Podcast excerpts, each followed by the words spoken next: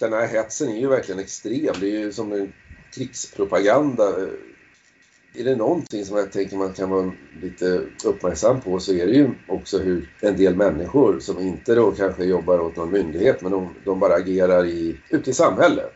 I en affär eller en del har ju blivit helt galna när man hetsar människor så mycket som massmedia gör nu. Vissa situationer var en säkerhetsrisk då, deras galenskap har liksom uppmuntrats och nu har den blommat ut. Och, och en kvinna där eh, berättade att eh, hon har lungproblem och, och hon hade då fått tillstånd av, där har de obligatorisk sån här mask då de skulle lämna hemmet. Hela dagarna utan, utanför hemmet så måste de ha sån här mask. Men då hade hon fått tillstånd att inte ha mask. Men hon blev så trakasserad på gatan av människor som, som skrek till henne och sådär. Mm. Så att hon valde att ha mask även fast det är nästan farligt för henne. Så sjuk är stämningen där alltså. Nu säger inte att alla mm. spanjorer är så, men tillräckligt många för att det ska vara väldigt obehagligt att, att vara där utan mask. Alltså. Så dit vill vi ju inte. Nej, och då menar jag att då blir liksom, då, då kan vem som, då, då, kan liksom den här farliga, de här människorna, de kan bli väldigt farliga tillsammans då. Det blir den ju masspsykos. Ja, exakt. Och den där masspsykotiska människan är väldigt otäck den risken ser jag som faktiskt större om man säger nu i ett närperspektiv än att det skulle bli något så obligatoriskt att de går runt från hus till hus med några militärer och håller på att tvångsvaccinera. Fast de gjorde det i England. Men eh, de är ju lite... Men gjorde de verkligen det med våld alltså? Var det inte att de ja, erbjöd dem som det heter? Det var inte att de... Alltså, nej, de gick runt och tvångstestade folk. Var det tvång alltså? Ja. Militär eller om det var polis. Men det här var, var det? Ja, inte hela England, bara no, eh, någon, ett par stadsdelar där de tyckte att, eh, att det var för, för många fall liksom. Så de var tvungna att öka på där och, och ta reda på alla. Det var när det, när det var... Ja, det tror jag faktiskt att det var. Eller så var det kanske bara att de erbjöd, men de gick från hus till hus. Ja, jag tror, jag tror att jag såg det där på UK Cologne. Jag för mig att de sa att de gick och erbjöd, men det var väl säkert med, med svåra eller hårda övertalningsförmågor. Men jag tror inte att de liksom slog ner folk och, och, och satte in en pinne i näsan på dem. Alltså. Ja, men det är ändå, jag tror inte det, men jag ska inte svära på det. Men... Jag ska inte svära på att de gjorde det heller, för att det kan ju räcka med att det kommer tre poliser och erbjuder dig, så tror jo. du liksom att det är tvång. Exakt. Så går du med så. på det så tror jag att de hade den taktiken. Det, så ja. uppfattar jag i alla fall om det är samma nyhet som jag såg. Ja, det här var ju ganska länge sedan. Det var i mm. samband med någon mutation. Fast jag vet inte vilken mutation. Men det var ju ganska länge sedan. Den här masspsykosen är väldigt farlig och, och den ja. är bra att se upp lite med. Eh, ja. Så tänker jag. Se upp lite med sådana människor för de, de, de, kan, de kan vara farliga. Om man tänker sig det här med den ena kroppen, den ena friheten. Det, det handlar liksom om vår fysiska frihet och, och integritet. Va? Jag kallar det för den sista bastionen då, den ena kroppen. Mm. Men om vi förlorar den, då har vi faktiskt förlorat precis allt. Alltså, då har vi förlorat allt. Då spelar inte de andra sakerna någon roll och, och, och handlar om ekonomi och, och, andra politiska frågor och så vidare. Då har vi förlorat allt för det, då har vi liksom ingenting kvar. Vi är livägna, vi, vi, de kan göra vad de vill med våra kroppar, de får spruta in vad de vill.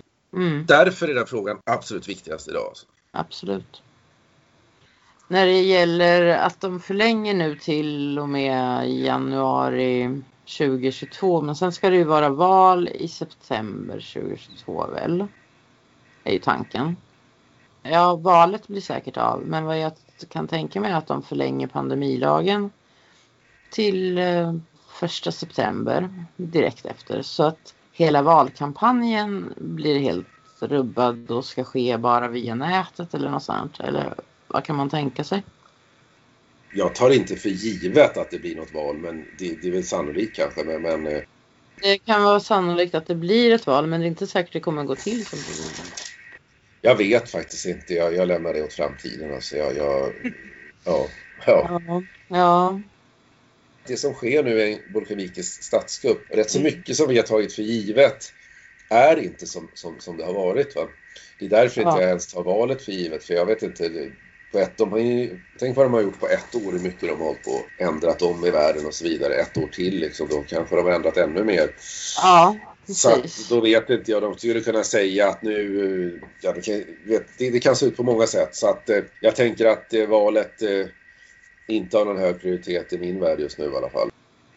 Men det jag tänker är, liksom, oppositionen borde väl också tänka så här, om de vill ha en rimlig chans att vinna nästa val så borde de ju vilja ha en, en riktig valkampanj och Mm. inte vara utsatta för att, att bedriva all sin propaganda på nätet. För en, alltså, Ja, det slutar ju ändå bara med någon sån här samlingsregering eh, av något slag. Liksom. Så det, valet blir ju mer och mer bara en teater och nu, nu kanske de tycker att den där teatern, vi behöver inte den längre. Jag vet inte, men nej precis för att de Ja. där valen leder ändå inte till någon skillnad. nej, jag, jag tror vi behöver en, en, en, en, gräsrotsrörelse som är liksom en, frihetsrörelse från, på gräsrotsnivå som förhoppningsvis växer och, och blir stor och blir verkligen en, en maktfaktor till sist. Alltså. Det är vad jag drömmer om i alla fall. Det hoppas jag också.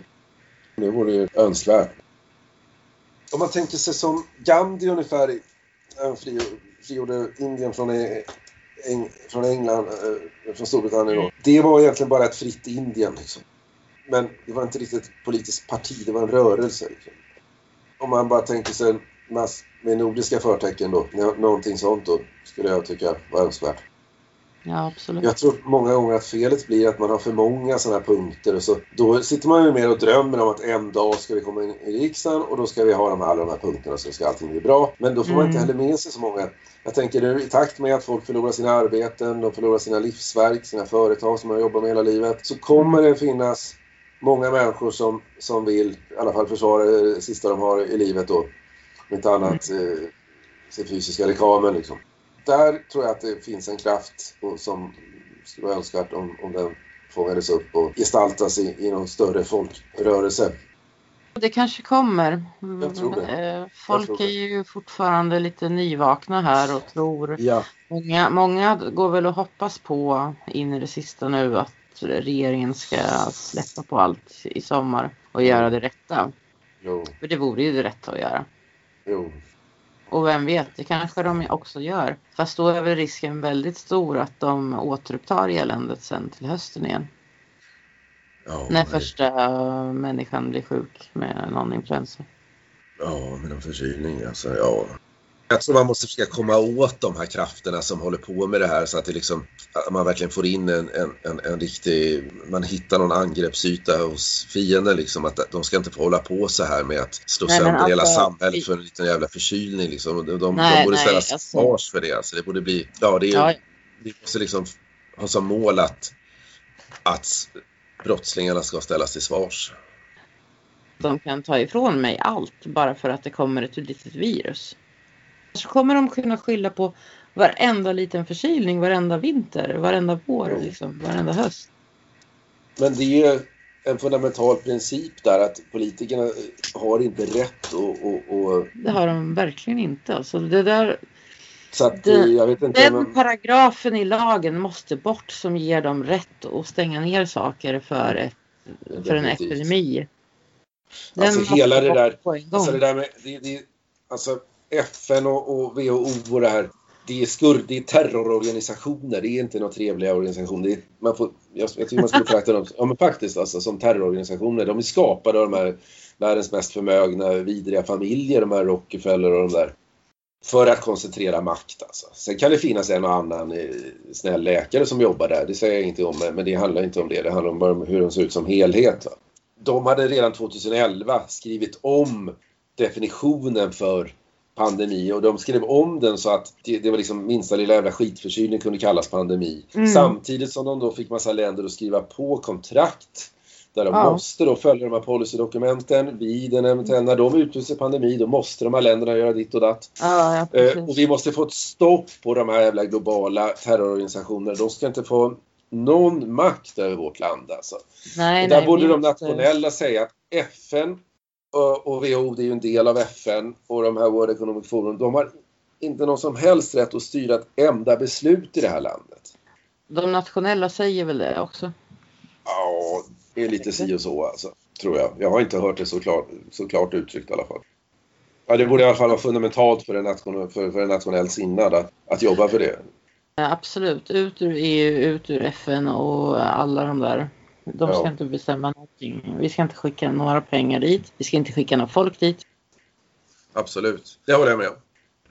Bra exempel där med han i Jim Jones. Jim Jones. Jim Jones. Folkets tempel tror jag det kallades det där. Det är ett rätt intressant fall faktiskt. Jag, jag har hört talas om det fast jag, ja. jag, jag, jag, måste bara ha hört den första versionen att de var en sekt som tog livet av sig. Ja, det var ja, inte så.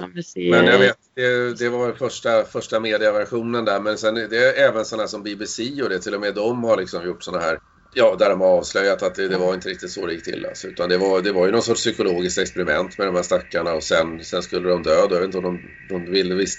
Det var kanske för många som började bli upproriska och sådär och tyckte att det där var knäppt. Och, och det här var alltså ordnat av staten då eftersom det var CIA-kontrollerat område så det är ju ett statligt experiment av den amerikanska staten alltså. Amerikanska staten måste vara värsta skurkarna av alla tror jag. Jo, det är det nog.